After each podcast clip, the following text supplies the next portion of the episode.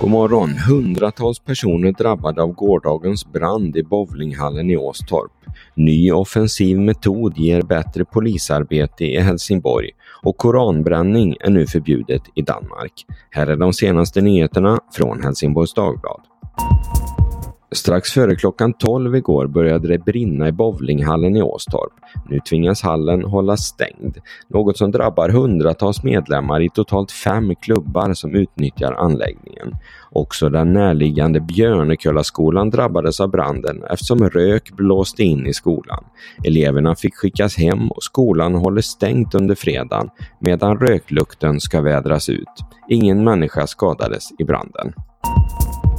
Helsingborgs Dagblad inleder idag en serie där vi granskar var det går att få en tomt att bygga sin egen villa.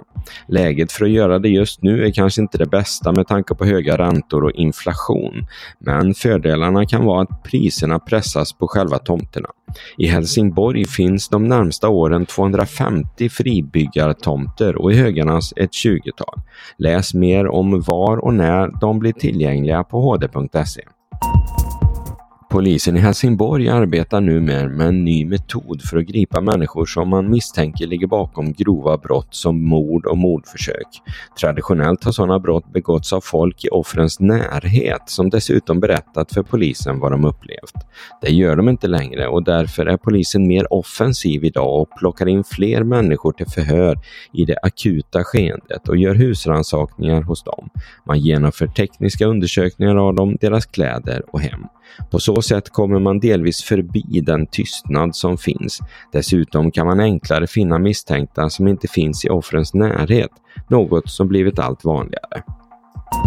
En man från aktivistgruppen Extinction Rebellion stod igår inför rätta vid Göteborgs tingsrätt. Mannen hade stört ett kommunfullmäktigemöte i Göteborg genom att ropa slagord från åhörarläktaren med krav på att stänga oljehamnen på Hisingen.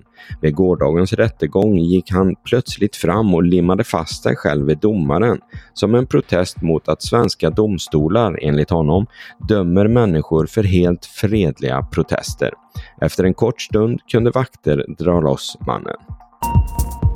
Det är numera förbjudet att bränna Koranen och andra religiösa skrifter i Danmark. Igår fattade danska Folketingets motsvarigheten till svenska riksdagen beslutet.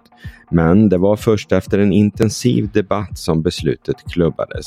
Motståndarna till den nya lagen menar bland annat att Danmark nu kapitulerat för hot från folk och länder som inte delar Danmarks värderingar.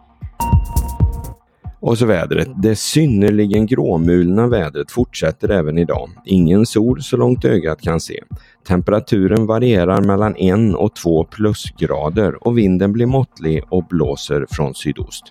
Och så kan vi också påminna om att flygflottiljen F17 i Blekinge planerar att genomföra sin julgransflygning över Skåne på måndag.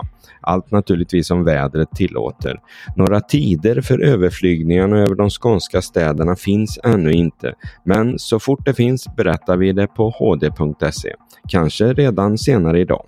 Det var allt från Helsingborgs Dagblad den här morgonen. I studion Peter Färm. Läs mer på hd.se. Vi hörs!